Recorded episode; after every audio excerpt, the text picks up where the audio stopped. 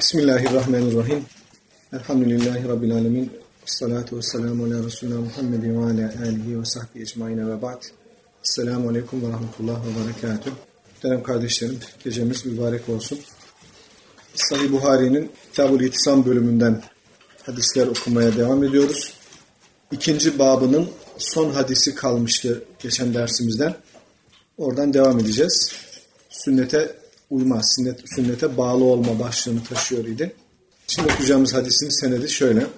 قال الإمام البخاري رحمه الله حدثنا إسماعيل قال حدثني مالك عن أبي الزناد عن الأعرج عن أبي هريرة عن النبي صلى الله عليه وسلم قال دعوني ما تركتكم إنما هلك من كان قبلكم بسؤالهم واختلافهم على أنبيائهم فإذا نهيتكم عن شيء فاجتنبوه وإذا أمرتكم بأمر فأتوا منه ما استطعتم Ebu Hureyre'nin rivayet ettiği bu hadiste e, senedinde özellikle mesela İmam Malik'in adını geçtiğini görüyoruz. İmam Malik mesela e, Buhar'dan önce yaşamış bir hem fakih hem hadisçidir. E, Muatta isimli kitabı ilk yazılan musannef hadis kitaplarından bir tanesidir. Kendisi 179 Hicri yılında vefat etmişti. Yazdığı kitabın bir kanun kitabı gibi devletin her yerinde uygulanması konusunda Abbasi halifesinin teklifini geri çevirmiştir İmam Malik. Yani bu benim bu bölgede bildiğim ve e, sıhhati konusunda güvendiğim hadislerden oluşmaktadır. Ancak benim görmediğim, bana ulaşmamış başka makbul sayı hadisler de bulunabilir. Dolayısıyla bunu devletin her yerinde uygulamak demek, ilmi bitirmek demektir. Diyerek büyük bir e, ne diyelim objektiflik göstererek hani insan hoşuna gider benim yazdığım kitap devletin kanun kitabı oldu ne güzel falan anlamında hoşuna gider. Yani İmam Malik'in feraseti burada çok öne çıkmış oluyor ki Abbasi halifesinin bu teklifini kabul etmemiştir. İmam Malik'in ilginç bir hayatı var. Yaşadığı dönem itibariyle. 94 yılında yanlış hatırlamıyorsam dünyaya gelmiştir. 94 yılında dünyaya geliyor. 179 yılında vefat ediyor. 132 yılı Emevilerin yıkılıp Abbasilerin iktidara geldiği tarihtir. Miladi 750 yapar. 750'de Arapların Türklerle ilk karşılaştığı savaşın tarihidir. Talas Savaşı. Şey taraflarından, Bişkek taraflarına yakın değil mi? Evet. Talas. Ee, Kırgızistan, Kazakistan arasına yakın Talas şehri var. Yani 132 yılı bize erken bir dönem gibi gelir de 750 deyince çok uzaklarda sanki Müslümanlarla Türklerin ilk defa çok uzak bir tarihte karşılaşmış gibi böyle hicri miladi tarihin zihnimizde oluşturduğu bir bölünme vardır. İslami ilimlerde genellikle hicri kullanıyoruz. Siyasi tarihte miladi takvim kullanıyoruz. Bu ikisinin ayrı ayrı olayları varmış gibi hep konuşuruz. Şimdi Talas Savaşı'nı herkes 750 diyebilir değil mi gençler? 750 nere? Hazreti Peygamber ne zaman vefat etti? 10 yılında. Demek ki 740 sene önce vefat etmiş falan gibi geliyor. Halbuki 132 tarihidir 750'nin hicri karşılığı. Yani çok yakın bir dönemde Türkler Müslümanlaşmaya başlamışlar. Oluyor ki işte İmam Buhari mesela 256'da vefat eden birisi olarak Türklerin İslam dünyasındaki hizmetleri başlamış olacaktır. İmam Malik Emevilerin son döneminde Abbasilerin ilk döneminde yaşamış bir İslam alimidir. Kritik dönemlerde yaşamıştır. Bu dönüşüm e, hani diyelim ki iktidar değişimi sancılı oluyor. Yani Abbasiler iş başına geçtikten sonra Emevilere hiç yaşama hakkı tanımıyorlar. O yüzden ölümden kurtulmak için öldürülmekten diyelim ölümden değil de öldürülmekten kurtulmak için kaçış arayan insanlar Endülüs'e kadar gidiyorlar. Ondan sonra da Endülüs devleti kurulmuş oluyor. Yani e, Endülüs devletini kurduranlar Abbasilerdir. Bu hizmetlerini unutmamak lazım. Yani o baskıyı uygulamasalardı, o baskıyı uygulamasalardı, kovalamasalardı, kovalamasalardı Endülüs'e kim gitmek ister ta bilmem nereye? Bakın tarihi zincirleri birbirine uladığınız zaman öyle bir sonuç çıkıyor ki Avrupa medeniyetinin arkasında Abbasi zulmü yatar. Çünkü onlar Emeviler oraya kovaladılar. Emeviler orada bir devlet, medeniyet kurdular. Avrupa oradan gelip ilim öğrendi falan. Rönesans'ı gerçekleştirdi falan filan derken süreç böyle işliyor. Yani şer zannettiğiniz bazı şeylerde sonuçta hayır vardır deriz. E, Moğollar Orta Asya'dan bir çıktılar. Her önüne katanı kovaladılar, kovaladılar, kovaladılar. Osmanlı Devleti kuruldu. Yani onların önünden kaçan bir oba gelip Anadolu'da bir beylik kuruyor, büyüyor ve cihan medeniyetini oluşturmuş oluyor. Tabii biz akıbetimizi bilmediğimiz için yaşadığımız günler bize sıkıntı gibi gözüküyor. Mesela şimdi e, Irak'tan, Suriye'den gelen Araplar ülkemizde oldukça yoğunlar mesela. Bu insanların ülkemizde bulunmuş olmalarının belki de yakın bir tarihte ya da nispeten uzak bir tarihte ben olumlu sonuçlarının çıkacağını ümit ediyorum. Yani kaynaşma, tanışma, bilişme, Arapça öğrenme yani Türk insanının bu konulardaki e, hizmetlerinin onlar tarafından da görülüyor, biliyor olması durumu falan gibi olumlu sonuçları çıkacaktır. Şimdi onlar yerlerinden, yurtlarından oldukları için sıkıntıdalar. Bizimkiler bunlar nereden çıktı diyerek sıkıntı yapanlar olabiliyor mesela olmaması gerektiği halde. Ama bunlar ileride bu tip dönüm noktaları e, tarihte önemli sonuçlar ortaya çıkarabiliyor. İmam Malik'in İmam Malik'in bir görüşü vardır mesela Maliki fıkhında bir görüş vardır. Ee, mükrehin talakı geçerli değildir. Ee, nasıldı yok yanlış hatırlamıyorum değil mi? Ee, o şeyi çok net söylememiş olayım da İmam Malik'in yaşadığı bu dönemde ki siyasi olayların ve şartların getirisi onun fıkhına yansıyor. Yani diyelim ki şöyle ben unuttum yani açıkçası şu anda tam net söyleyemeyeceğim. Öyle bir görüşü var ki İmam Malik'in diğer mezheplerde olmayan bir görüş. Bu görüşü ancak o şartların sonucu olarak ortaya çıktığını söyleyebilirsiniz. İnsan neticede İbnül Vakit'tir. Yani yaşadığı dönemin çocuğudur. Şimdi 28 Şubat sürecinin baskısını yaşayan insanların görüşleriyle rahatlamış bir ortamda ortaya çıkan görüşler aynı olmayabiliyor. O yüzden yaşanılan kültürel, siyasal, siyasal ortamı bilmek, e, bir şeyleri anlayabilmek, kavrayabilmek adına çok önemli bir şeydir. Bu insan niye böyle düşünüyor? Bir bak bakalım. Yani belki akrabasından birisine kızmıştır. Hani bunlar da etkilerin olabileceğini bilmemiz lazım. Aslında hocam bu anlamda e, bu şartlara göre hani duruma göre, vakte göre İslam'ın da Mekke'deki ayetleriyle Medine'deki Tabii. ayetlerinde de bir Tabii. farklılık var değil mi? Tabii o ayetin nüzul, o ayetin nüzul ettiği şartları bilmek evet. anlamaya katkı sağlar. Alimler değerlendirirken İbn Teymiye yani İbn Teymiye sıra dışı bir insandır. Yani sivri bir adamdır. Ama onun niye bu halde olduğunu anlayabilmek için dönemindeki fikri mücadelelere falan bir bakmak lazım. El Minhac diye, Minhacü Sünne diye bir kitap yazıyor. Ee, Minhacü Sünne e, büyükçe bir kitaptır. Tek bir amacı vardır. Şia'ya red. Yani Şia ve Rafıza görüş, Rafizi görüşlere karşı ehli sünnetin yolunu savunan Minhacü Sünne, sünnet yolu, sünnet programı diyebileceğimiz bir kitap yazıyor mesela. Ama bu görüşünü delillendirirken, konuşurken e, çok sivri cümleler kullanıyor. Sert bir üslubu var. E, neden? Çünkü İbn Teymiye tek bir adam. Biraz da sertliğinden dolayı etrafında bir, bir çevre, çevre, şey, çevre oluşmamış. Bir görüş söylüyor. O görüşü direkt söylüyor mesela. Hani birisiyle bir tartışsa, müzakere etse, biraz pürüzlü taraflarını yontsalar hani daha ılma, daha yumuşak bir hale getirseler olabilecek. Ama böyledir diyor mütemiye kırıyor döküyor ortalığı mesela. Kırıyor döküyor dediğim hani genel çerçeveye bakıldığında aslında yanlış şeyler söylemiyor. Ama bu biraz sivri sayılan fikirlerin arka planında onun yaşadığı hayatın etkisi var. E hemen talebesi olan İbnül Kayyım'a bakıyorsunuz. İbn-i Teymiye'nin öğrencisi. Hiç hocasına benzemiyor. İşte durumu o kadar güzel anlatıyor ki, o kadar güzel ifade ediyor ki, e, o diyelim ki farklı bir çerçevede yaşamış. Daha arı duru, daha sakin. Daha oturmuş fikirler var. Ama İbn-i Teymiye'nin etkisi yok mu onda? Var. Yani o e, sonuna kadar hakikati savunma noktasındaki e, gücünü, kararlılığını hocasından almış. Ama onu ifade ederken ki üslubunu çevresinden almış diyebiliriz mesela. O yüzden imamların yaşadığı dönemlerde Ebu Hanife'nin, İmam Malik'in yaşadığı dönemlerdeki şartlarını bileceğiz ki onların fıkırları veya bir takım görüşlerdeki e, fikirlerinin zeminini anlamış olabilelim. Ebu Hanife'nin mesela imamlar içerisinde e, ilk yaşayan Ebu Hanife'dir. Mesela dört mezhep imam içerisinde en büyüğü olan Ebu Hanife'dir. 150 yılında vefat etmiştir. İmam Malik'le görüşmüşlerdir.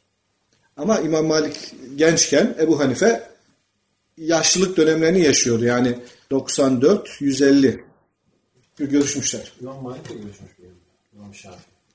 İmam Şafii İmam Malik'le görüşüyor. Evet. Ebu Hanife de görüşüyor hacca geldiğinde. İmam Malik hiç çıkmamış Medine'den. Evet. Ama Ebu Hanife hacca geldiğinde İmam Malik'le görüşmüşler. Mezana ziyaret edip onun e, mezhebince amel ediyor ya. O şey İmam Şafii o. Tamam işte. Yani mezarını ziyaret edemiyor. Kendisini değil de. Hatta burada böyle kılınır namaz. Evet. Şey. O İmam Şafii. Ben İmam Malik'le görüştüklerini söylüyorum. İmam Malik de İmam Hanife diyor. Ebu Hanife. Ha. Ebu Hanife ile İmam Malik görüştüler. Evet. Ama İmam Şafii görüşmedi çünkü onun doğduğu sene o ölmüştü. Yani o şey değil. Ebu Hanife'nin yaşadığı dönem hadis tarihi bakımından en e, hareketli bir dönemdir. Tedvin dönemi diyoruz biz o zamana. Hem, Yani toplanma. henüz toparlama dönemi. Ömer bin Abdülaziz Emevi halifesi Hicri 99 yılında halife olunca hadislerin toplanması ve yazıya geçirilmesi noktasında resmi bir faaliyet başlattı. Bu faaliyetin sonucu da her bölgedeki hadis alimleri dolaşılıp onların bildikleri hadisler yazıya geçirildi. Yani hadisler toplanıyor. Ebu Hanife nerede yaşıyor? Küfe'de yaşıyor, Irak'ta yaşıyor.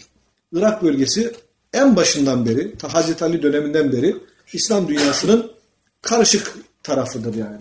Siyasi. Orada siyasi polemikler çok fazla, siyasi ihtilaflar had safhada yaşanıyor. Dolayısıyla Ebu Hanife henüz hadisler toplanma aşamasında bir de kendi bölgesinde güven sorunu ciddi boyutlarda yaşandığı için hadisleri kabul etme noktasında daha sıkı şartlar arıyor. Öyle herkesten alamazsınız. E, İmam Malik Medine'de yaşıyor. Etrafındaki insanların hepsi hadisçi. Yani hepsi dar sünnede yaşayan insanlar. Ebu Hanife'nin böyle bir avantajı da yok sonra. O yüzden Hanefi mezhebinde özellikle ilk dönemlerde hadis kullanımı sınırlı kalmıştır. Fakat bu sınır nasıl biliyor musunuz? Ebu Hanife'nin hemen sonrasına gelen iki öğrencisi İmameyn birçok görüşte imamlardan muhalefet etmişlerdir. Çünkü imamların görmediği bazı hadislere ulaşma fırsatı buldular.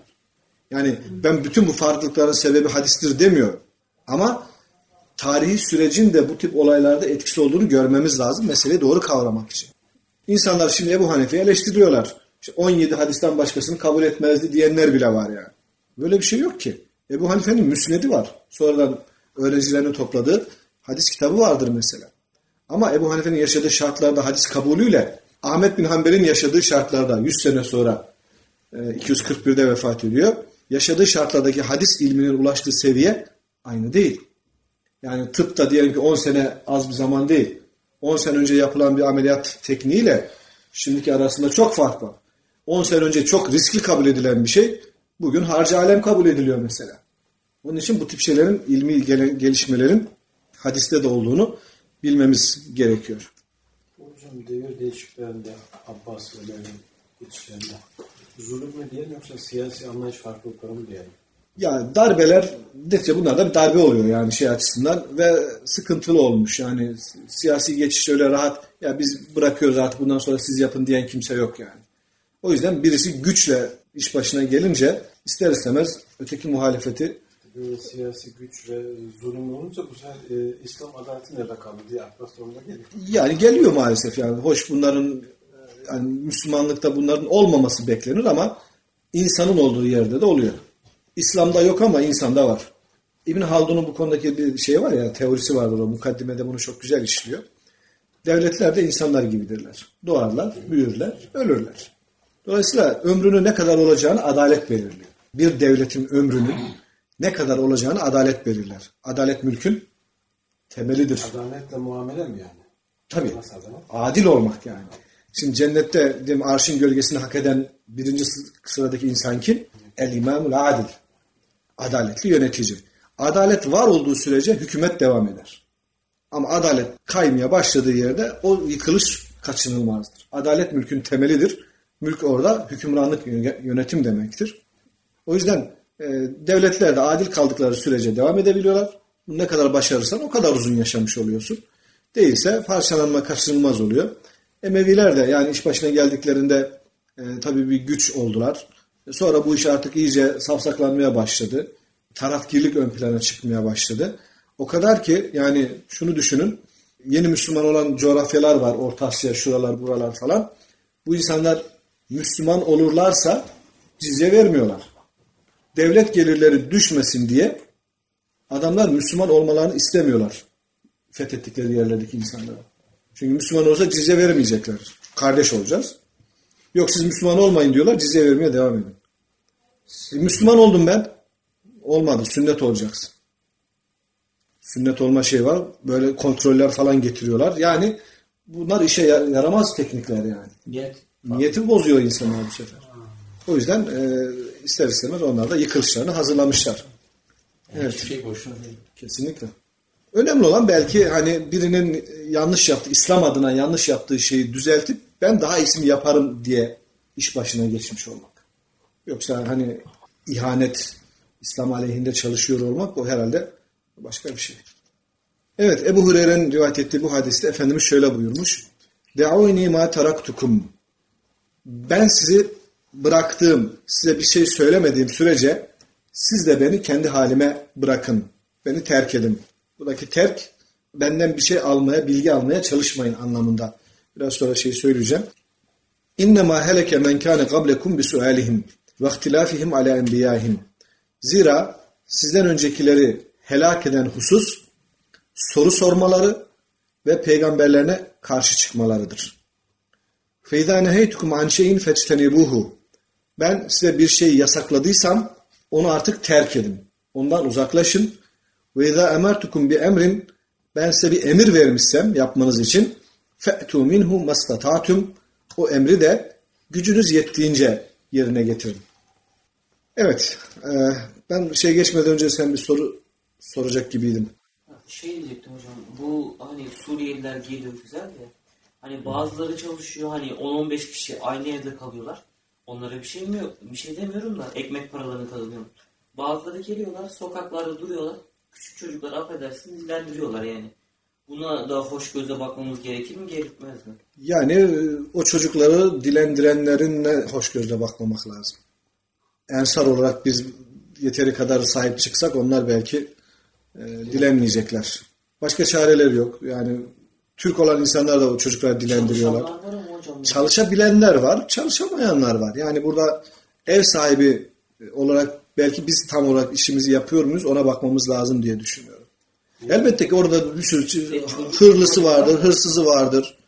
Yani e, suistimal, suistimal edeni vardır. Elbette insanların olduğu her yerde her çeşit problemle karşılaşabilirsiniz. Yani onuruyla, e, yüz akıyla çalışıp gerekirse aç kalarak hiç dilenmeyecek kadar güzel insanlar da vardır.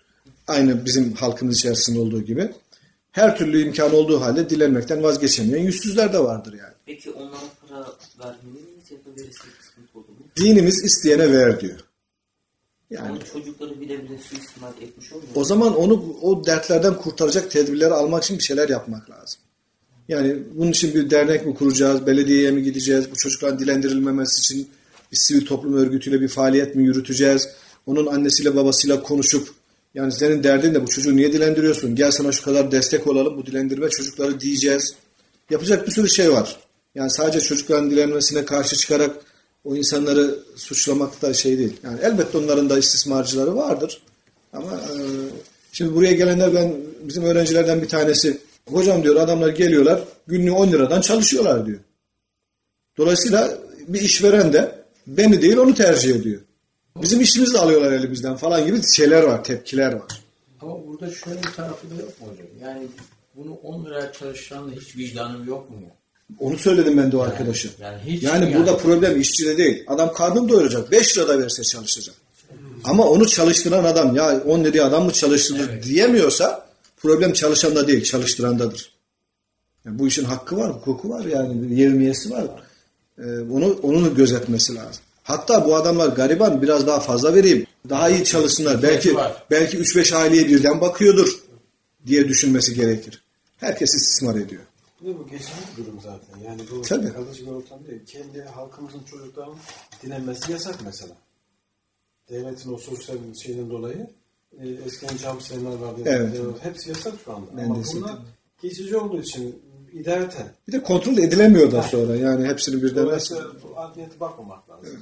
Yani Onlar... mümkünse verip kurtarmak veya daha kalıcı şeyler üretmek lazım. Yani bu insanlara Diyelim ki kardeş aile, diyelim o insana git ilgilen, ben seni kardeş aile yapıyorum de, ben seninle ilgileneceğim de. Mahalleden topladıklarını o aileyi sokaktan kurtar. O zaman bir şeyler yapmış olabiliriz. Biz kendi yaptığımız sadakamızın, iyiliğimizin sevabını kesinlikle alırız. Yani hak etmediği halde vermiş olmak dahi o sevabı kaybettirmiyor bize.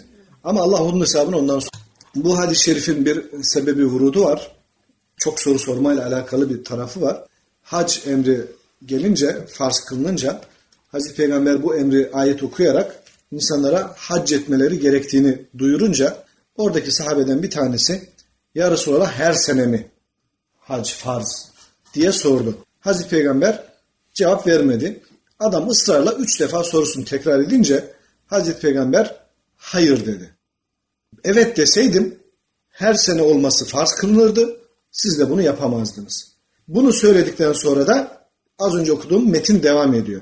Ben sizi bıraktığım, size bir açıklama yapmadığım sürece siz de beni kendi halime bırakın. Bu konularda soru sormayın. Çünkü sizden önceki ümmetleri helak eden şey çok soru sormaları ve peygamberlerine karşı çıkmalarıdır.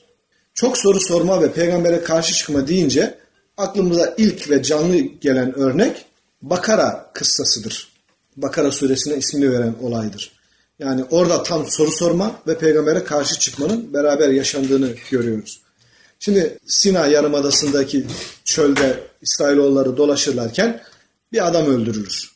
Katili faili meçhuldür. Kim öldürdüğünü tespit edebilmek için Hz. Musa'ya gelen vahiy der ki e, bir inek kessin, kessinler. O ineğin kemiğiyle cesede vurduklarında ceset canlanacak ve katilin adını söyleyecek. Tabi mucizevi bir şey yani e, kriminal laboratuvarda yapılan herhangi bir incelemeden falan bahsetmiyoruz. Yahudiler e, tabi inek ineğe benzer. Rabbine sor bakalım nasıl bir inek olacak bu? Rengi nasıl olacak? Ayet geliyor sarı olacak. İne, sarı inekler de birbirine benzer. Boynuzu nasıl olacak? Boyu nasıl olacak? Yaşı nasıl olacak? Her soru bir açıklama getiriyor. Her açıklama bir daralma getiriyor. Ayet diyor ki neredeyse istenen özelliğe sahip bir inek bulamayacaklardı. Ama neticede bulunuyor ve işlem tamamlanıyor. Halbuki ilk emir geldiğinde önlerine çıkan ilk ineği kesselerdi bu iş tamamdı. Rengine bakma kızılı olabilirdi, 3 yaşındaki olabilirdi, boynuzsuz olabilirdi. Hiç sorun değil. Çünkü bu konulara bir detay verilmemiş. İnek inektir. İnek olması yeterli. İnek olması yeterli bitti. Çok soru soruyorsun ve bu soruyu niye soruyorsun? İşi yokuşa sürmek için. Peygambere karşı çıkmak için. Peygamber diyor ki şöyle yap, öyle yapmayalım sen bir daha sor bakalım. Yani peygamberin emrini de bu sefer e, ikiletmiş gibi bir duruma düşürüyor. Katili korumak için mi yoksa emre? Emre muhalefet. Yani İsrailoğullarının şeyi. Nefslerine mi zor geliyor? Peygam peygambere zorluk çıkarmak. Adamların derdi çok da fazla bir şey değil yani. İman etmemiş. Bunlar iman edenler zaten. İsrailoğulları. Rabbine sor derken kendi Rabbine sor. Musa sen kendi Rabbine Bu dil, dildeki kullanım belki şey açısından kabul edilebilir. Yani e, hadislerde de bazen sizin peygamberiniz diyor sahabiler. Kendi peygamberi ama sizin peygamberinizi böyle yaparken gördüm. O bir vurgu ifade ediyor yani. Belki onu dil açısından izah edebiliriz. 40 günde zaten dağa çıkıyor tekrar. Evet yani evet azıcık ayrıldığında hemen adamlar buzağa tapıyor. Demek aralarında onların da şeyler var. Münafık sayılabilecek insanlar var yani. Eğrilik. Eğrilik olanlar var. Şu halde yani haccın farz kılınması konusunda şimdi buradaki problem ne? Hac farz kılındı. Bu haccın bir kere yapılmış olması bu farzın yerine getirilmesi için kafidir. E, her sene mi her sene mi diye sorunca ya her sene denseydi ne yapacaktın? Var. Yani. Günümüzde mesela özellikle diyelim ki adamlar yani her sene hac nerede yapılacak yani? İmkanı yok. Halbuki bir soru sağ dediğiniz gibi farz dese burada bir e, yer okumuştum çok denk geliyor buna. E, Cenab-ı Allah Peygamber sallallahu aleyhi ve sellem dini nasları koyarken şöyle bir yorum yapmıştı o alim. Bazı nasları tam kesin sınırları belli bırakıyor. Bazıları kısmen belirliyor. Bazılarını tamamen kulların inisiyatifine Ucu açık bırakıyor. ucu açık bırakıyor. Yani burada Cenab-ı Allah'ın bir merhameti bize bu. Evet. Çünkü her şey Esnek, esnek davranıyor. esnek davranıyoruz. Yani herhalde bu, bu meseleler de Mesela aile hukukunda ayet-i kerimeler çok şeydir, sınırlayıcıdır. evet kesin. Aile hukukunda. Yani boşanma şöyle olacak, miras böyle olacak, Evet. iddet şu kadar olacak, mihir olacak. Zifava girersen mehir şöyle girmezsen böyle. Evet, çok yani çok detaylara giriyor. Ama mesela İslam'da devlet yönetim biçimiyle ilgili hiçbir ayet yok. İslam devleti yok. Yani İslam devletinin tipi diye bir şey yok. Yani bir yönetim biçiminden bahsedilmiyor mesela. Demokrasi mi? Hepsi olur. Hepsi olur. İnsanlar uygun gördükleri ama adaletin gerçekleştirildiği, Allah'ın emrinin uygulandığı herhangi bir yönetim, e, İslami yönetim olabilir. Müslümanların devleti var. İslam'ın devleti yok aslında yani. Hatta buna Peygamber sallallahu aleyhi ve sellem de değil mi hocam? Yani bu da buna benzer bir örnek. Vefat ettikten sonra kendisi mirasçı vekil tayin etmedi. Evet. Herkes birini Evet. seçsin dedi mesela. Dedi. Yani Ve o halifelerin seçiminde de bakıyorsunuz belki de uygulanabilecek bütün yöntemlerin Evet. denendiği görülüyor yani. Haz peygamber kendisi sıfırdan kurduğu bir devletin başkanıydı. Vefat etti. Kim geçecek yerine? Herkes müzakere etti. Fikirler ortaya çıktı. Adaylar ortaya çıktı. Birkaç tane aday ortaya çıktı. Onlar üzerinden hangisine ittifak edelim? Böyle ciddi tartışmalar yaşandı falan. Sonuçta Hazreti Ebu Bekir'e biat ettiler. Halife seçildi. Bu bir eğer seçimse, demokratik bir seçimse, tam demokrasi değil belki ama ne diyelim? Bilen insanların, uzmanların tercihi. Ee, Dar bölge seçim mi denebilir? Bunun adı daha sonra ehli hal vel akt olacak. akil insanlar gibi Akil insanların seçtiği, aklı başında insanların e, uygun gördüğü birisine seçilmesi gibi bir şey olmuş oluyor. Şey ya, şu anda bayram olarak kutluyor o günü. Hazreti Ali'ye velayetin verildiği. Bu şey e, Kadir Hum'daki. Ha, Kadir Ha, ha. Bu, bu hadis-i şerif değil mi? Rivayette geçiyor. Ha. Ama Hazreti Ali'ye bir velayet verildiğinden falan bahsedilmiyor orada mesela. İşte ama ben de Onlar öyle yorumluyorlar. Benden sonra öyle bir şey yok. Ben kimin velisiysem Ali de onun velisidir. Ama orada Hazreti Ali'ye yönelik bazı problemler var. Hazreti Peygamber Hazreti Ali'yi savunmak adına onu üzmeyin. Ben kimin dostuysam Ali de onun dostudur diyor bu. Benden sonra Ali geçecek diye bir şey yok orada yani. Ama onlar tabii böyle yorumlamış oluyorlar yani. Evet. Yani bu da e, buna bir örnek değil mi? Yani sınırlamamış Efendimiz. E, Hazreti Ebu Bekir de benden sonra Ömer olacak diyor. Bu bir veliahttır. Veliaht belirlemedir mesela. Veliaht eğer sülaleden olursa ona saltanat deniliyor. Ama herkes bir kendisinden sonra bir aday belirleyebilir. Hazreti Ömer şehit olacağı sırada diyor ki bu işi yapabilecek olanlar da ehli, şey, aşer-i mübeşşerden hayatta kalanlardır. O sırada altı kişi kalmış hayatta. Eğer diyor Ebu Beyde yaşasaydı kesin oydu. Ama Ebu o Bey'dir, ince- Ebu Beyde eğer o yaşasaydı oydu halife. Çünkü o bu ümmetin eminidir demişti peygamber onun hakkında. Ama o Irak şeyde Şam'da vefat etti.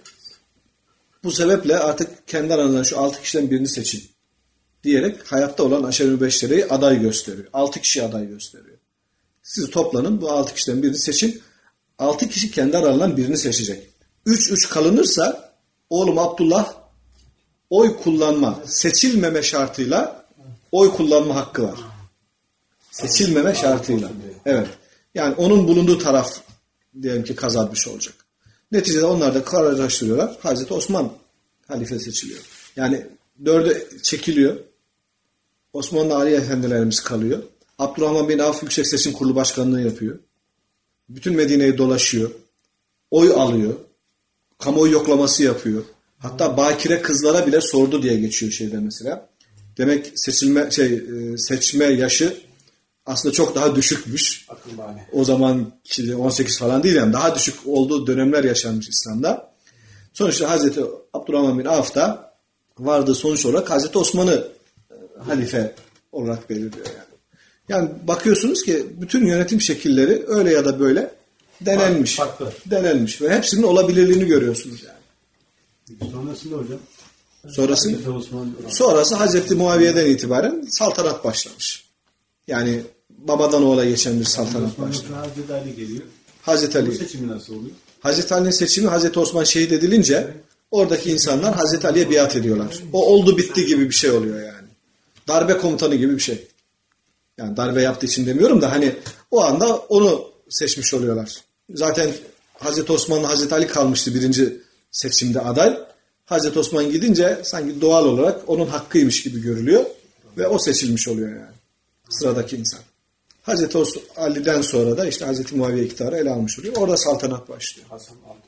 Hasan'ınkini pek şeye koymuyorlar. Yani sıralamaya çok koymuyorlar. O 5-6 aylık bir halifeliği var. İşte o da devrediyor Muaviye. Hazreti Muaviye devrediyor mesela. Saltanat orada başlamış olmuyor mu? Hangisinde? Ali sonrası Hasan. Yok Hazreti Ali benden sonra Hasan olsun demediği için. Yani insanlar Hazreti Hasan'ı tekrar halife seçiyorlar.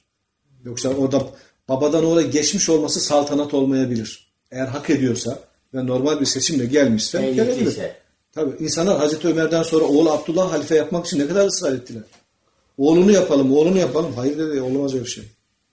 Yani eğer oğlu olmuş olsaydı gene olacaktı ama bir saltanat olarak geçmeyecekti. Yani veliaht değilse sorun değil. Veliaht değilse sorun değil. Adam normal seçimlere giriyor. Şimdi siyasi partilerde de öyle olmuyor mu mesela? Yani tekrar seçime giriyorsunuz, genel başkan oluyorsunuz, yeniden seçiliyorsunuz ama veliaht olmuyor. Ee, şimdi kim olabilir ülkemizde böyle baba oğul saltanat şey yapan, siyaset yapan? Menderes- Erbakan vardı. Menderes ha Menderes vardı mesela. Özal Ama olamadı. Şimdi Turgut Özal gitti diyelim ki Ahmet Özal genel başkan olsa, başbakan olsa ne olacak? Veliaht mı oldu diyeceğiz, demeyeceğiz yani. Şerif var değil mi hocam? Bununla ilgili yanlış hatırlamıyorsam e, ilk 30 yıldan sonra ısırıcı mevcut gelecek. Evet, evet. Halifelik 30 yıldır sonra saltanat geliyor diyor. Evet. E, peygambere karşı çıkmak demek, peygamberin emirlerine, sünnetine karşı çıkmak demektir. Hani kitabın sünnete bağlılıkla ilgisini kurmamız açısından bunu söylemiş oluyorum. Feyda nehaytukum an şeyin festenibuhu. Dolayısıyla ben size bir şey yasaklamışsam onu terk edin. Hemen uzaklaşın. Bir emir vermişsem onu da gücünüz yettiğince yapın buyuruyor Peygamber Efendimiz. Burada da dikkat etmemiz gereken husus yasakların terki hususunda bir hemenlik vardır. Bir şey yasak mı? Bırakılır. Terk edilir. Artık onunla ilgili e, herhangi bir mazeret peşine düşülmez. Ama bir emir verilmişse o emrin yerine getirilmesi kişiye göre, şartlara göre, kapasiteye göre değişebilir. O yüzden Efendimiz çok ince bir hassasiyetle diyor ki ben size bir emir vermişsem onu da gücünüz yettiğince yerine getirin. Yasağı terk ediyorsunuz. Orada gücü yetmek yok. Yasağın terkinde güç yeterliliği diye bir şey söz konusu değil. Yasağı terk edecek. Herkes terk edecek. Ama emri herkes gücüne, imkanına, şartlarına göre yerine getirecektir. Bu çok önemli bir ayrımdır. O sebeple e, yasakların e, terkinde ben yapamıyorum, ben edemiyorum, benim gücüm yetmiyor gibi bahaneler geçerli değildir. İçki içmeyin. Yapamıyorum. Öyle bir şey yok. İçmeyeceksin. Namaz kılın, gece namazı kılın. Gücünüz yettiğince. Herkesin şartlarına göre şeyi değişebilir. Hocam o Bilir. Gece namazı dediydi. Tabii. Emir olarak Gece var. namazı derken hangisi? Teheccüd namazı böyle.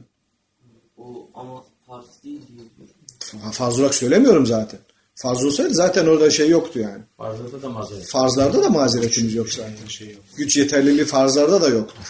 Ama ama sadaka verin diyor Hazreti Peygamber. Sadaka verin diyor. Şimdi herkes gücü yettiği kadar sadaka verir. Tabi burada emirlerin ve yasakların aslında biraz da böyle tersinden emir, tersinden yasak olduğunu da hesaba katmamız lazımdır. Yani farzlar tersinden haramdır. Namaz kılın e, farzdır. Namaz kılmamak haramdır. İçki içmeyin haramdır. İçki içmek haramdır. İçki içmemek farzdır. Yani işin bir de bu tarafı vardı. Böyle emirleri yapmak deyince zaten emirleri yapıyoruz ama işte haramlardan kaçamıyoruz. Öyle bir şey yok yani. O da öbür taraftan emir sayılır yani. Evet. İkinci babımızda bu hadiste tamamlamış olduk. Üçüncü babımızın başlığı şöyle. Babu ma yukrahu min kethreti sual ve tekellufi ma la ya'nihi. Çok soru sormanın kerih oluşu, çirkin oluşu, kötü bir durum oluşu ve insanın mala yani konularında tekellüf göstermesi. Yani kendisini ilgilendirmeyen hususlarda zorlaştırması, işi yokuşa sürmesinin e, yanlışlığı hakkındaki babımız ve kavlihi teala ve ayet-i kerime hakkındaki şöyle buyurulmuş. La tes'elu an eşya in tubde lekum tesukkum. Açıklandığında, beyan edildiğinde hoşunuza gitmeyecek şeyleri sormayın diyen ayet-i kerime hakkında. Bu da çok soru sormakla bağlantılı olduğu için hesaba katılmış oldu. Bu ayet-i kerimenin de sebebi nüzulü var. Bunun sebebi nüzulü de ki biraz sonra baptaki okuyacağımız hadislerde gelecek ama ön bir bilgi olarak vermiş olayım. Ee, Hazreti Peygamber bir gün namazdan sonra hadi bana istediklerinizi sorun buyurdular. Burada durduğum sürece her istediğinize cevap vereceğim. Adamın biri de kalktı benim babam kim diye sordu. Cevabını da verdi Peygamberimiz. Bu sefer ötekisi kalktı benimki kim? Ona da cevap verildi. Tabi Hazreti Peygamber bu tip böylesi mala yani sorular olunca öfkelendi. Hazreti Ömer de bunu fark edince e, Hazreti Peygamber'i sakinleştirecek bir şeyler söyledi. Onları biz metinde okuyacağız biraz sonra. Hazreti Peygamber de sustu. Bunun üzerine bu ayet-i kerime nazil oldu. Açıklandığında hoşunuza gitmeyecek şeyleri sormayın. Benim babam kim? Sen baba diye birini biliyorsun. Ya açıklandığında senin baban o değil de başkası çıkarsa? Bu hiç hoşuna gidecek bir durum değil. Yani tamam merak ediyorsundur belki falan ama diyelim ki herkesin babası diye bildiği adam değil de bir başkası çıktı. O zaman ortalık karışır. Annen töhmet altında kalır. Sen başka bir çocuk durumuna düşersin falan filan. O yüzden bu tip gereksiz şeyler peşine düşülmemesi gerektiğini anlatmış oluyor ki tabii onun da bir sebebi vardır. Bu adamın babam kim diye soru sormasının da başka bir sebebi var. Onu da isterseniz hadis okurken söylemiş olayım. قال البخاري حدثنا عبد الله بن يزيد المقري قال حدثنا سعيد. قال حدثني أقيل عن ابن شهاب عن عامر بن سعد بن أبي وقاص عن أبيه أن النبي صلى الله عليه وسلم قال إن أعظم المسلمين جرما من سأل عن شيء لم يحرم فحرم من من أجل مسألته. Sa'd bin Ebi Vakkas'ın oğlu babasından rivayet etmiş Amir isimli oğlu. Amir ve Ömer diye oğulları vardı Sa'd bin Ebi Vakkas'ın. Ee, Amir iyi bir çocuk olarak tanıyoruz. Ama Ömer'i farklı tarafıyla tanıyoruz. Sa'd bin Ebi Vakkas'ın oğlu, Aşeri Beşleri'den birisinin oğlu, İran Fatih'in oğlu, başkomutanın oğlu Ömer Kerbela'da Hazreti Hüseyin'i şehit eden birliğin başındaki adamdır. Emevi komutanıdır. Yani işlerin belki o noktaya kadar varacağını hesap etmediler falan filan ama vakada böyle. Allah taksiratlarını affetsin onların da. Ee, Sa'd Nebi Vakkas demiş ki Peygamber Efendimiz sallallahu aleyhi ve sellem şöyle buyurdu. İnne azamel müslimine cürmen cürüm suç demek. Türkçe'de de kullanıyoruz. Crime da buradan geliyor olabilir. Evet, cürüm. cürüm gibi. He? Cemal Kamel. Ee, evet. Müslümanların en büyük suçlusu, suç bakımından en önde geleni, mensel anşeynle müharram, haram kılınmamış olan bir şey konusunda soru sorup da fehurrime min ecl meseletihi, o sorduğu için haram bir şeyin haram kılındığı kimsedir. O sorucuya kadar haram değildi. Sorduğu için haram kılınıyorsa bir şey, ondan dolayı o kişi kıyamete kadar o mübah olan şeyi haramlaştırmanın cürmünü taşıyacak, çekecek demektir diyor. Ha böyle bir şey oldu mu? İnsanlar sordu diye bir şey haram kılındı mı? Hayır. Ha, bir de bu husus, bir de bu husus e, Hazreti Peygamber'in hayatıyla sınırlıdır.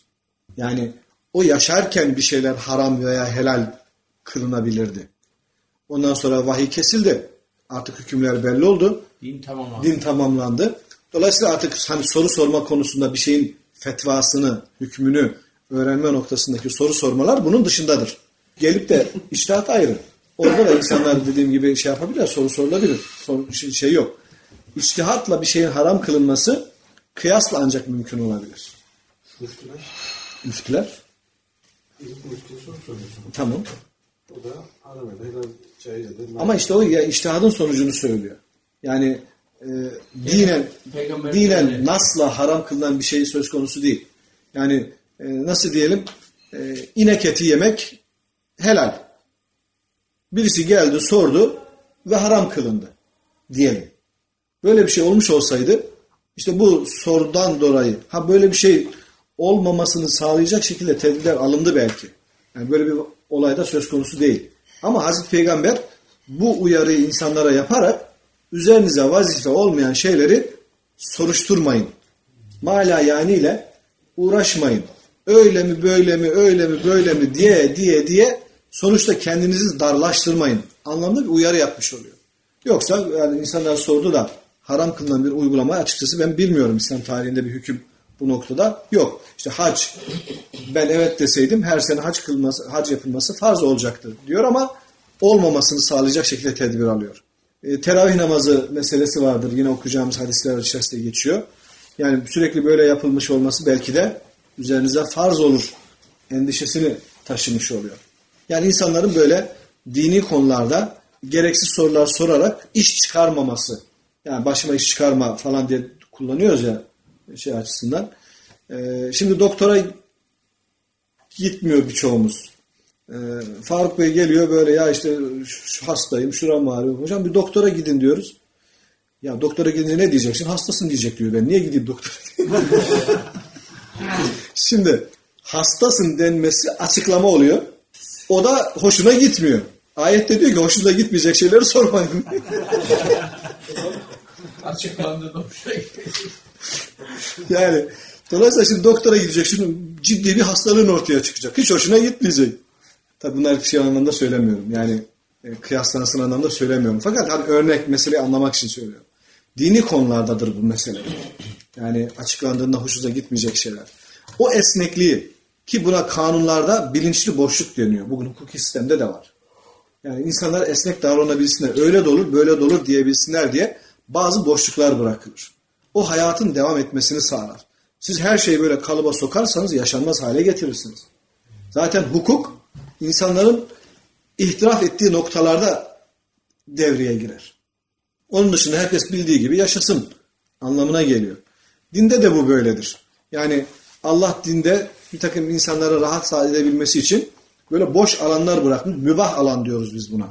Mübah da en geniş alandır. Ama haramları da koymuş. Bu haramlarda yaklaşmayın demiş. Arada da böyle tampon bölge var. Mübahla helal aynı anlama gelir mi? Mübahla helal aynı anlama geliyor. Ama bazı tampon bölge var. Böyle harama doğru yaklaştıkça şüpheli, e, şüpheli olan şeylerin riski artıyor mesela. O onun haram olduğundan dolayı değil. Harama düşme riski bulunduğu içindir. Haramın etrafında bu kadar yakın dolaşmayacaksın. İhtiyatlı olacaksın. Irmağın kıyısında dün haberlerde gördüm. Deniz kıyısında böyle biraz fırtınalı bir deniz. Dalgaları seyreden bir kadın dalga aldı götürdü. Neyse çıkardılar sonra yanındakiler falan kurtardılar mesela. Yani ya o kadar yakında durursan dalga götürür seni. Bakıyorsun ortalık riskli biraz uzaktan seyret. Yani tedbirli olman gerekiyor. Yahut böyle tam sahilde yürüyorsun. Sıfır noktasında. Dalgından gelir ayağın birisini boşa basarsın. Düşersin denize. Yine gereği var. Kaldırımın ortasından yürü. Haramlara çok yakın dolaşmamak lazım. Evet düşmeyebilirsin. Kenardan yürüyebilirsin. Ama düşersen seni kim kurtaracak? O yüzden hani helaller bellidir, haramlar bellidir. Aradaki müteşabihat denilen, müşabbihat denilen şüpheli tartışmalı şeylerden uzak durmak dinin ve şerefin korunmasını gerektiriyor. Çok yakın dolaşırsan harama düşme riski yükseliyor. Yani sürekli bankayla bir iş yapan insanın faizden kaçması mümkün değildir. O zaman mümkün olunca bankadan uzak duracaksın. Demektir bu. Ben işte şey yapıyorum ama falan filan. Yok bir tarafından bir şey bulaşabilir. Ya da hocam bazı pratik hayatta da görüyoruz. Yani arkadaşları var, arkadaş grubu. Hepsi işi içiyor. Okey evet. oynuyor. Ben bir oynamıyorum. Onların yanında Ama yanına gidip oturuyorum aynı masada. Bir hafta gider. Bir hafta, iki hafta, üç hafta hop. Dördüncü oluyor ondan sonra. ondan sonra okey'e dördüncü oluyor değil mi? Ya üçüncü şey gelmedi arkadaş. Gel sen idare et. Ya ben anlamam. Biz öğretiriz. E bitti. Yani, yani şüpheli, şeyler... şüpheli şeylerden uzak durmak lazım. Hatta takvanın bir yerde bir böyle bir ölçüsü var değil mi hocam? Şüpheli şeylerden kaçmadıkça tam takvaya erişemezsiniz. Takva zaten hani olması gereken, her Müslümanın taşıması gereken bir özellik. Vera dediğimiz takvanın daha hani tasavvuftaki üst kademesi gibi gösterilen vera için derler ki belki şüphelidir, belki haramdır diye helalleri de terk etmedikçe. Şüpheli değil. Hmm. Şüpheliyi terk etmek takva. Helali terk etmek vera. Hmm. Belki bunda da bir problem vardır diye bazı helalleri de terk etmedikçe vera seviyesine ulaşamazsın. Bu hadis. Hadis mi? Hadistir. Allah قال حدثنا إسحاق قال أخبرنا عفان قال حدثنا وهيب قال حدثنا موسى بن عقبة قال سمعت أبا النضر يحدث عن بسر بن سعيد عن زيد بن ثابت أن النبي صلى الله عليه وسلم اتخذ حجرة في المسجد من حصير e, bu hadisin senedindeki en baştaki İshak ismi e, hakkında da bir şeyler söylemem uygun düşer. İshak, İshak bin Rahuye isimli Buhari'nin hocası. İmam Buhari'nin hocası, meşhur hocalarından İshak bin Rahuye'dir.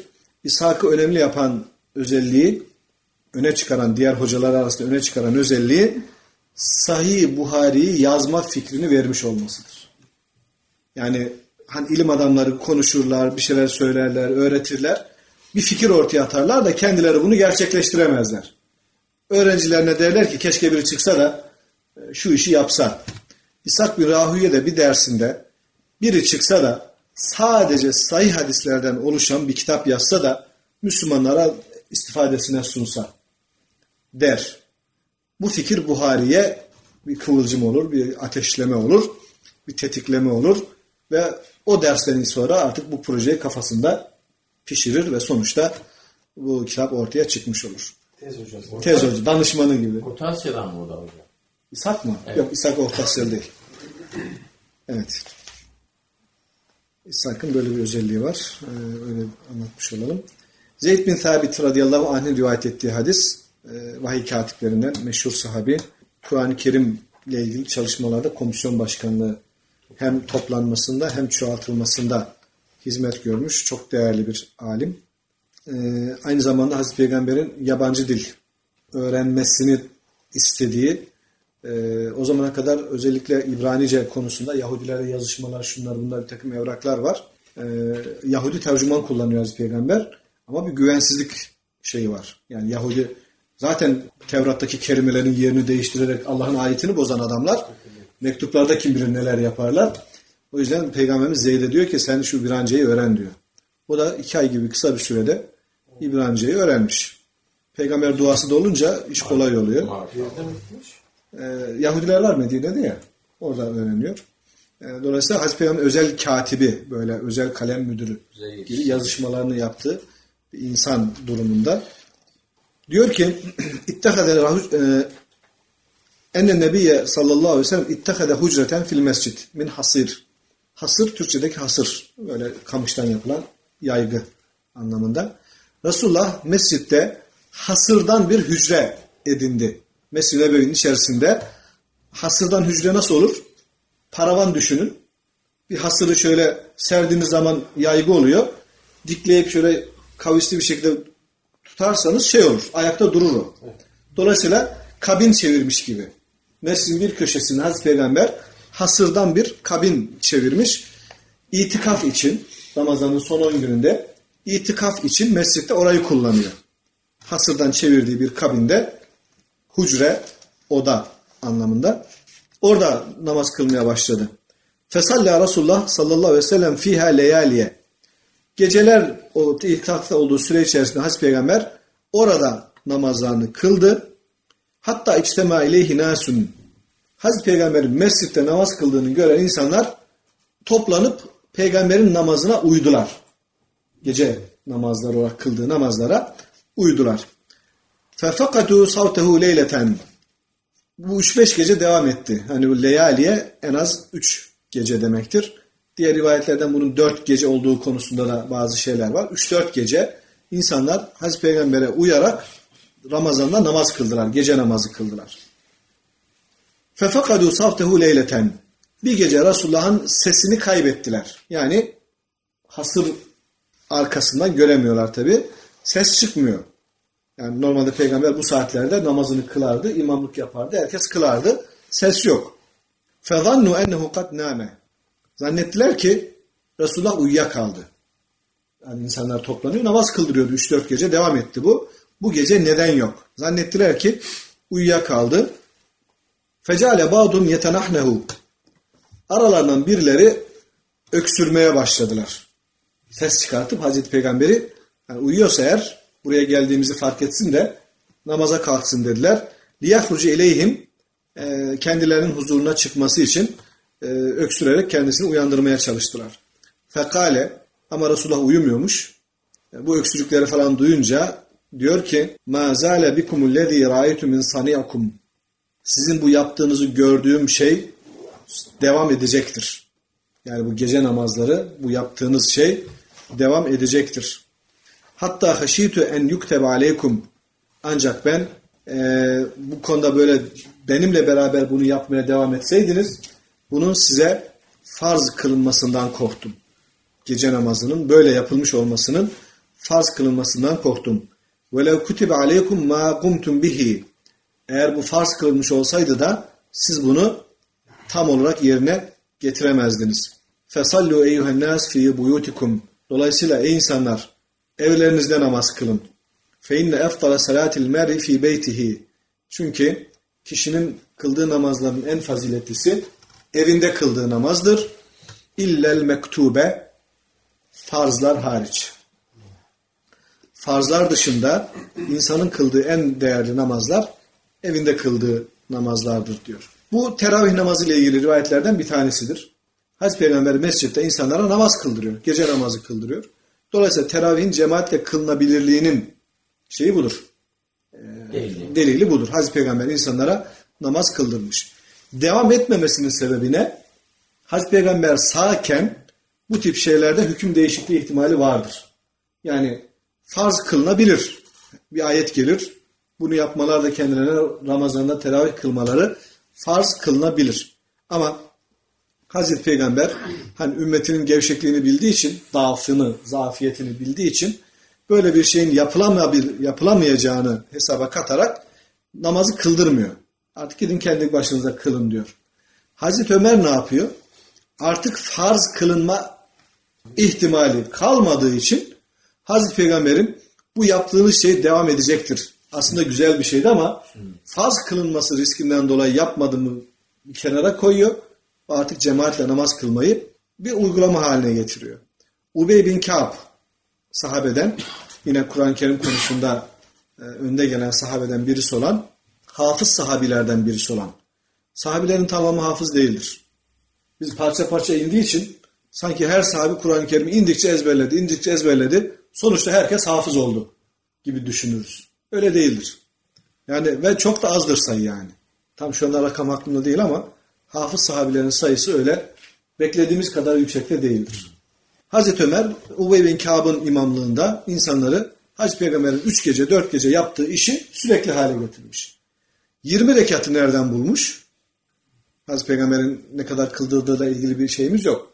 Ama Hazreti Ayşe diyor ki Resulullah Ramazan'da da Ramazan dışında da 11 rekattan fazla namaz kılmazdı. Şimdi 11 rekat bunun 3 rekatının vitir namazı olduğunu hesaba katınca geriye 8 rekat kalmış oluyor. Tabi bu Hazreti Peygamber'in insanlara kıldırdığı namazın rekatı olarak hesaplardan çıkıyor.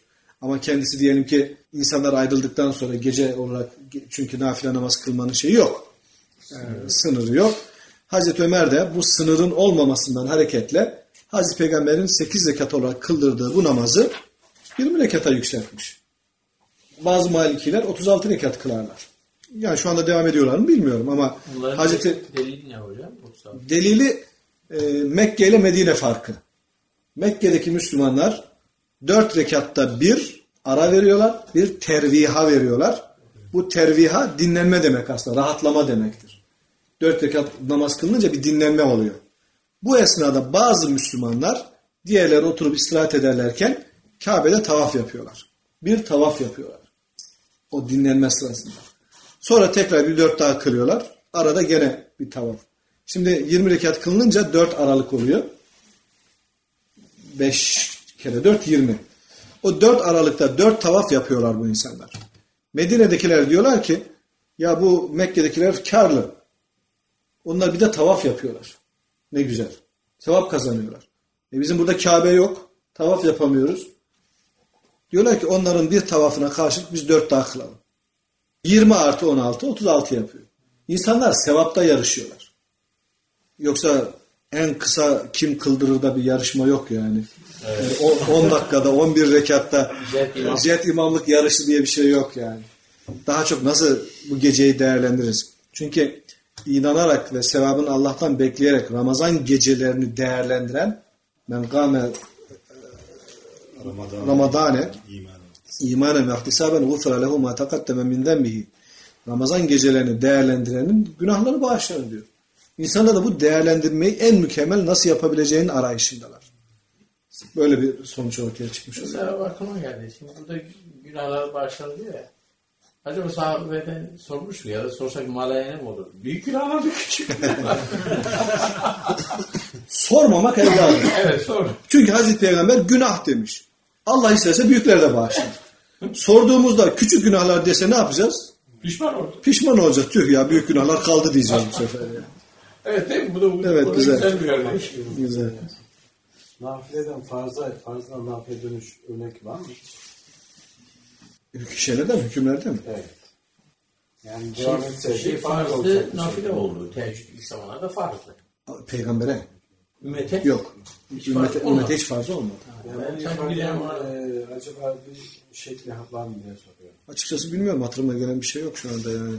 Bu Tahir Mevlevi'nin Tahir Olgun'un Müslümanlıkta İbadet Tarihi diye bir kitabı var. Ee, onda bu konuda bir şeyler bulunabilir. Bir ifade daha var. Eğer farz olsaydı siz bunu zaten yapamazdınız. Yani bu biraz e, teklifi mala yutak kısmına giriyor mu? İşte Allah Hazreti Peygamber ümmetinin düşündüğünü göstermiş oluyor aslında. Yani. Bu sadece hani 50 rekat namaz, 50 vakit namazın 5 vakte indirilmesindeki rahmet gibi bir şey. Yani 5 vakit namazın bile kılınmasında endişeler varken bir de gece namazının farz kılınması çok çok zor bir şey olacaktır. Bu rahmettir, bu ihsandır. Dolayısıyla siz bunu değerlendirin ve gece namazını evlerinizde kılın. Yani hiç kılmayın demiyor mesela. Evlerinizde kılın demiş oluyor. Yani belki Allah'ın takdirinde böyle bir değişiklik söz konusu değil ama Taslakta yoksa- taslakta yok ama insanlar bunun ne olacağını bilmedikleri için işin bu noktaya geleceğini bilmesi lazım. Şimdi e, sınıfta bazen öğrencileri çalıştırmak için bir şeyler söylüyoruz. Yapacağımızdan değil. Mesela. Yani şöyle yap, şöyle yapın. Eğer yapmazsanız işte notunuz düşük gelir e, falan filan. Veya devamınıza dikkat edin diyoruz mesela. E, ne derse devam etmelerini sağlamak için. Aslında biz kararımızı vermişiz. Yani devamla ilgili bir problem etmeyeceğimizi belki kendim biliyorum. Ben biliyorum ama bunu öğrenciye söylemiyoruz. Yani bu tip şeyleri hesaba kattığımızda böyle düşündüğümüzde aslında dinin kendi e, nüzul sürecinde e, olacak olanlar belli. Allah'ın tedricen e, getirdiği ayetler, uygulamalar dışında sonuç belli zaten. Yani beş vakit namaz beş vakittir. Başkası olmayacak.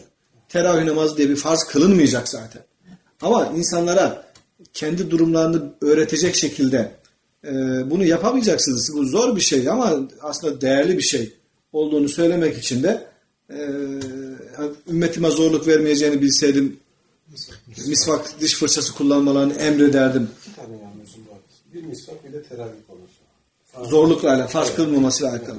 Bilmiyorum başka belki de şeyler e, vardır ama meşhur olmamış olabilir. Bu ifade yerine şöyle deseydi e, farz kadar kıymetli yapın bu işi deseydi de daha anlam manası olarak doğru olmaz mı? Bilmiyorum ama biz aslında Yapıyorum farz olmaktan demek e, nasıl olacak bu iş? Ama Farz orada bize şu mesaj var. Mümkünse yapın. Mümkün olmaz. aslında orada neredeyse farz. Evet, evet. Neredeyse farz ama hüküm farz değil.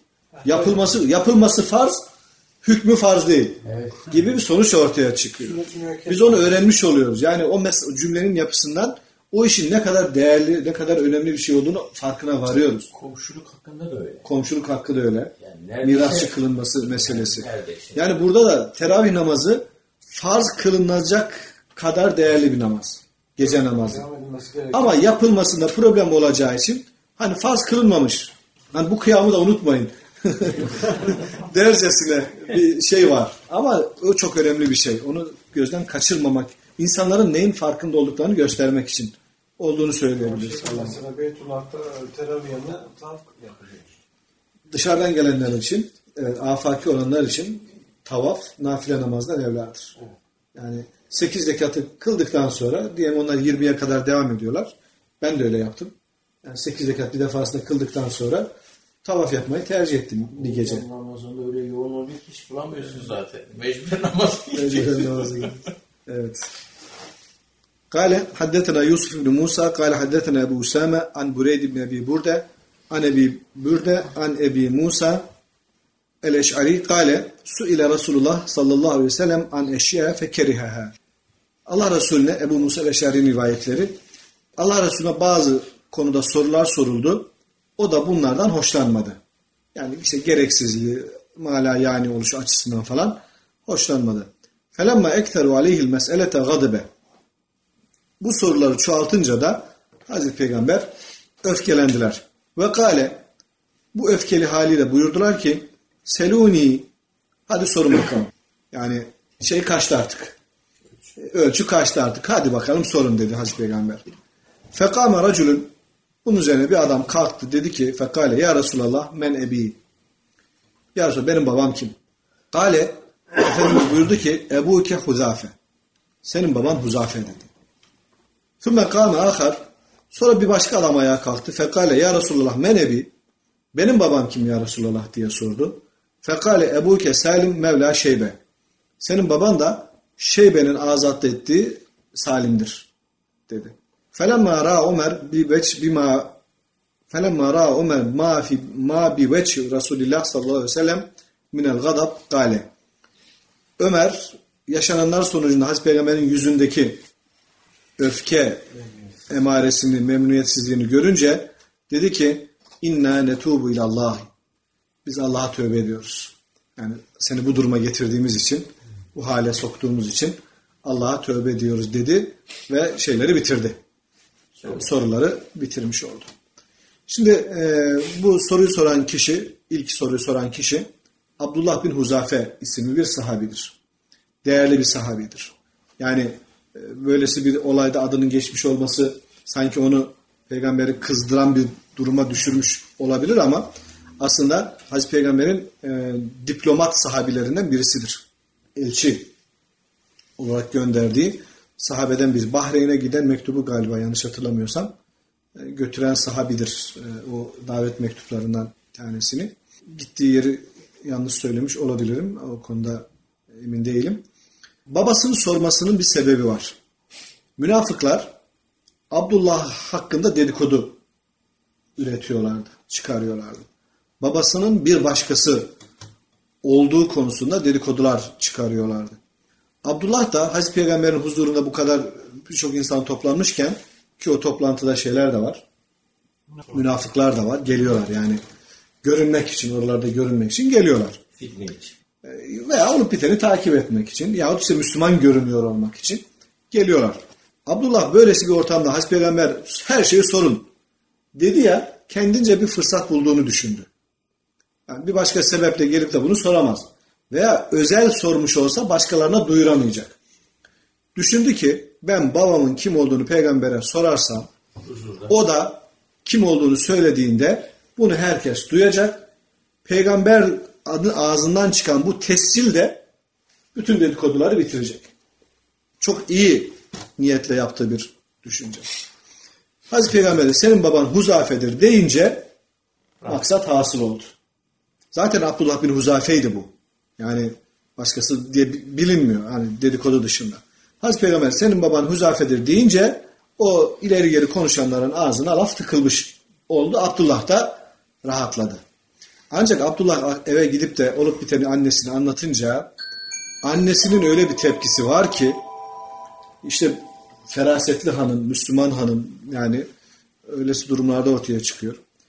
Anne ben bugün babamı peygambere sordum o da huzafedir dedi falan diye güya rahatladık bu meseleyi çözdük deyince annesi hani Türkçedeki ifadesiyle gebermeyesice annen seni yitirsin diye şey söylüyor. Sekiletke ümmük. Annesi yitiresice. Kaybolasıca hani falan deriz ya derler ya şeyde. Ya Resulullah başka birisinin adını söyleseydi sen annenin cahiliye döneminde bir halt etmediğinden emin misin ya diyor. Yani annene güveniyor mu ki bu soruyu peygambere sorabiliyorsun?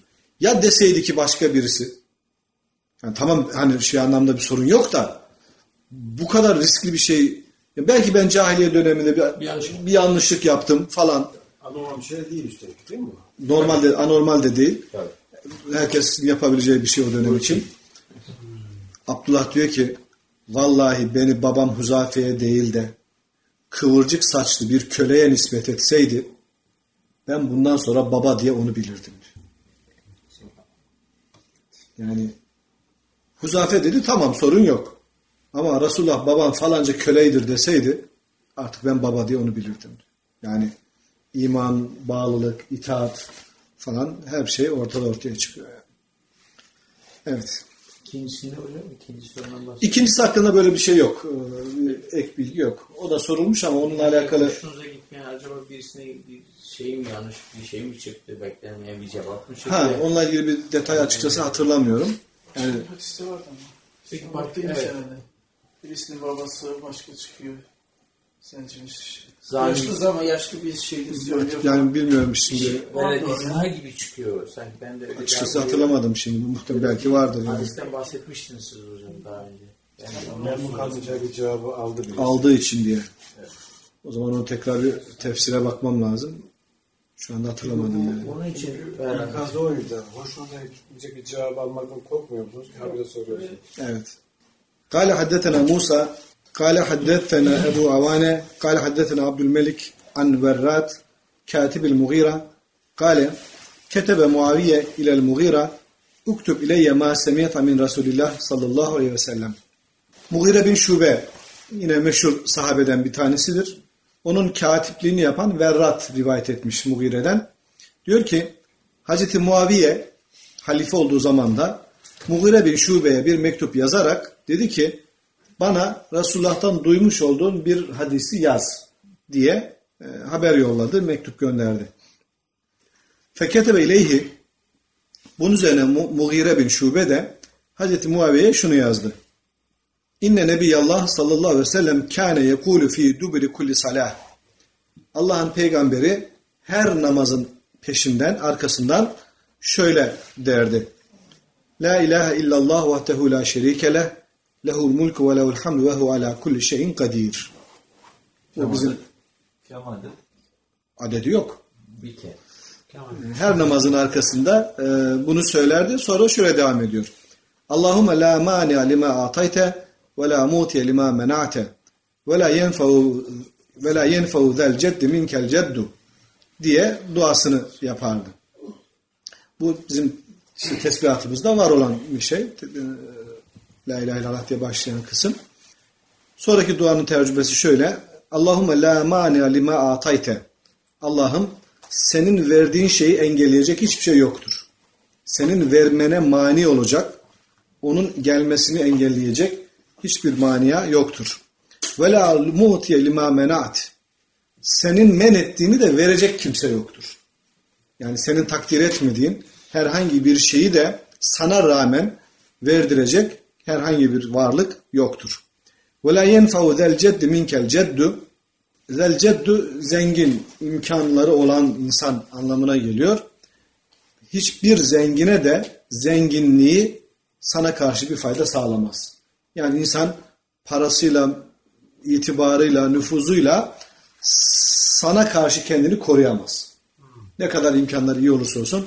Şimdi ne yapabiliyor mesela? Hani dayısı olan ceza almıyor. Hani amiyane tabirle. Ama hiçbir zengine zenginliği sana karşı fayda vermeyecektir diye dua buyurmuşlar. Ve ketebe ileyhi aynı yazdığı mektupta şu hadisi de ilave etmiş Mughire. Ennehu kâne yenha Resulullah sallallahu aleyhi ve sellem şunları yasaklardı, nehyederdi. An kîle ve kâle. Kîlu kal diye Türkçe'de de kullandığımız dedikodu diye tercüme ediyoruz. Gıyle denildi ki, gale dedi ki demek aslında. Denildi dedi, denildi dedi. Biz buna işte dedikodu diye tercüme etmişiz, öyle kullanıyoruz. Resulullah dedikodu yapmayı nehyederdi. Ve kesreti sual, çok soru sormayı, gereksiz manada çok soru sormayı nehyederdi. Ve idaatil mal, malı zayi etmeyi, malı israf etmeyi, malı yok etmeyi de e, nehyederdi.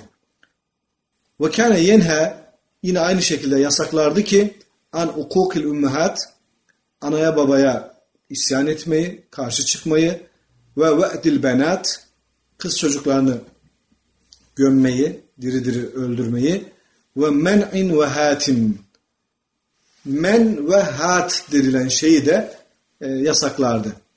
Ne demek men ve hat? menhiyat olan mı? Yok. Men ve hat ayrı ayrı şeyler. Menhiyat nehiden gelen bir kelime. Verdikten sonra diğeri almak mı? Yok. Men ayrı şey, hat ayrı şey. Men etmek bu bir deyim gibi kullanılan bir ifadedir. Men men etmek demek. Yani aslında birisine bir şey vermesi gerektiği halde vermeme durumu. Vermesini engelleyen durum. Hati de getirmek demek, almak demek. Almaması gerektiği halde almaya çalışmak.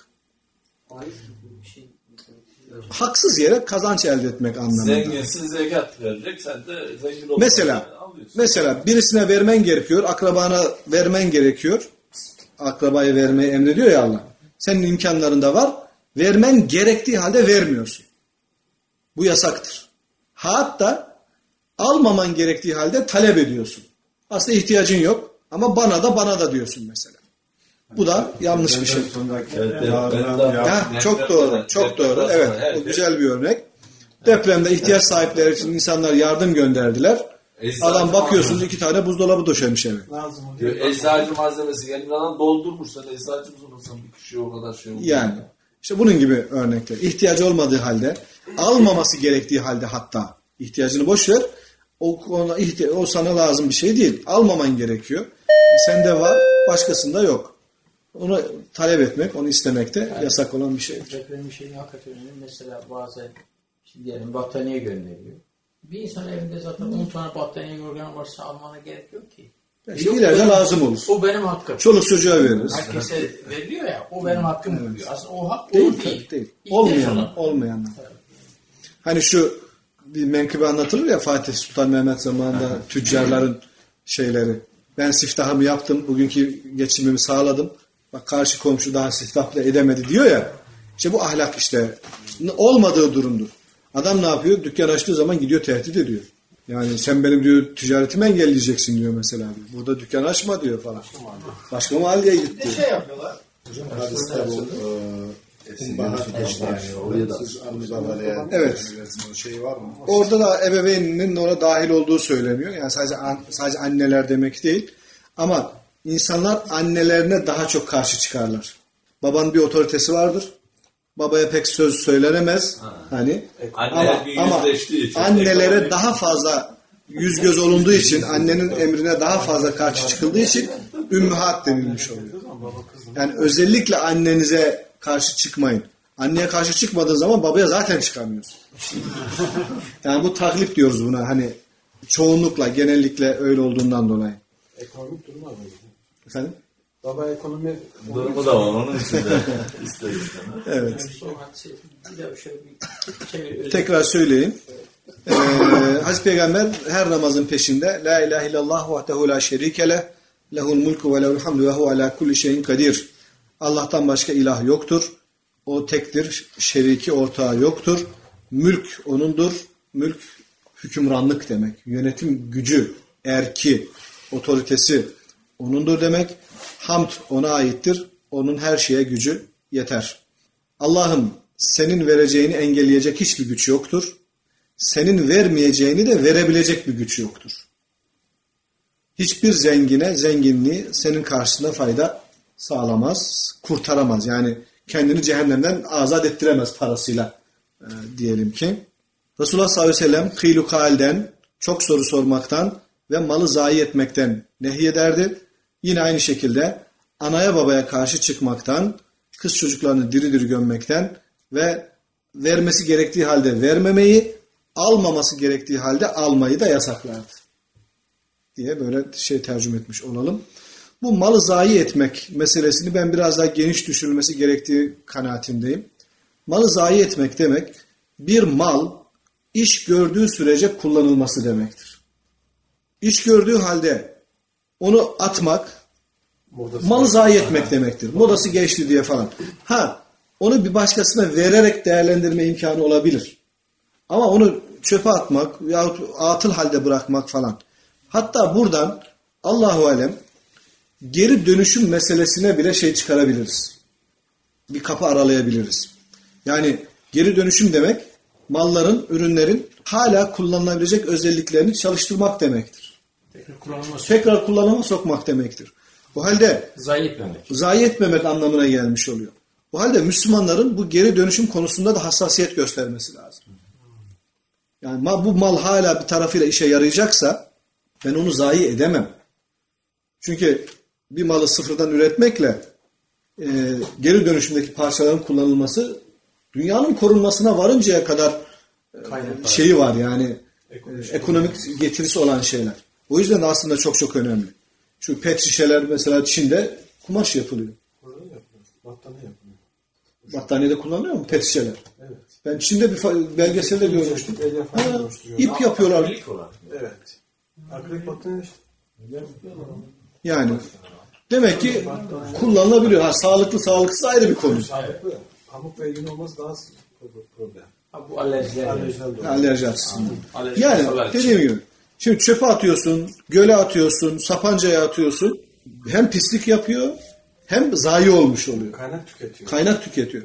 Onun yerine bu tekrar devreye sokmamız gerektiğini düşünüyorum. Yani bu geri dönüşüm meselesi de aslında Avrupa'da önemli. çok iyi yapmışlar. Ee, abartmışlar hatta. Suyu bir de e, denize akıtmıyorlar. Su aslında öyle. Yani bizim de Çevir çevir duruyor. Mesela şu mai müstamel ve gayrimüstamel meselesi var ya, onu çalıştırmamız lazım. Yani bunun tertibatı tabii nasıl? Sistem kurmak gerekiyor. Yani abdest aldığımız suyun direkt şeye gitmemesi lazım. Meyve yıkadığımız suyun direkt kanalizasyona gitmemesi lazım. Pis değil ki. Hani onun tekrar bir başka şekilde ya bahçeye sulayacaksın, ya saksılara akıtacaksın. Ne bileyim mutlaka bir şekilde tekrar kullanılması lazım. Anadolu'daki evlerde mutfağın suyu bahçeye, diğeri kenara. Evet. Yani bunları hesaba katmak. Yani Müslüman mimarların bunlar konusunda kafa yormaları. Hadislerden işte medeniyet çıkaracağız yani. Malı zayi etmemek için ne gerekiyorsa yapmak gerekecek. Evet bu kesretü sual çok soru sorma konusundan dolayı bu babda bu hadisi okumuş olduk. Şu an için geçerli mi hocam? Bu çok Hangisi? Sorma.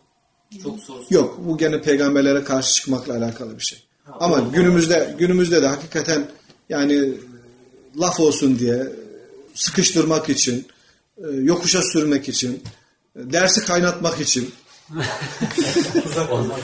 tuzak sorular falan gibi şeyler hoş değildir. Ha, Maksat maksat bilgilenmek, öğrenmek ve güzele ilerlemek olduktan sonra yarısı en faziletli amel hangisidir?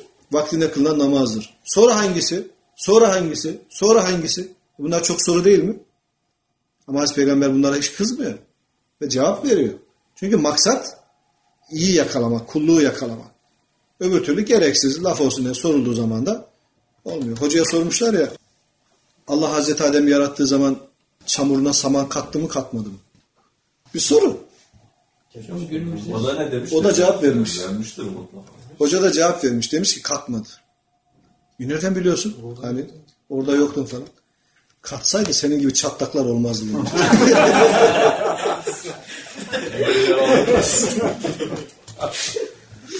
Bu soruya böyle cevap. Evet. Velhamdülillahi Rabbil Alemin.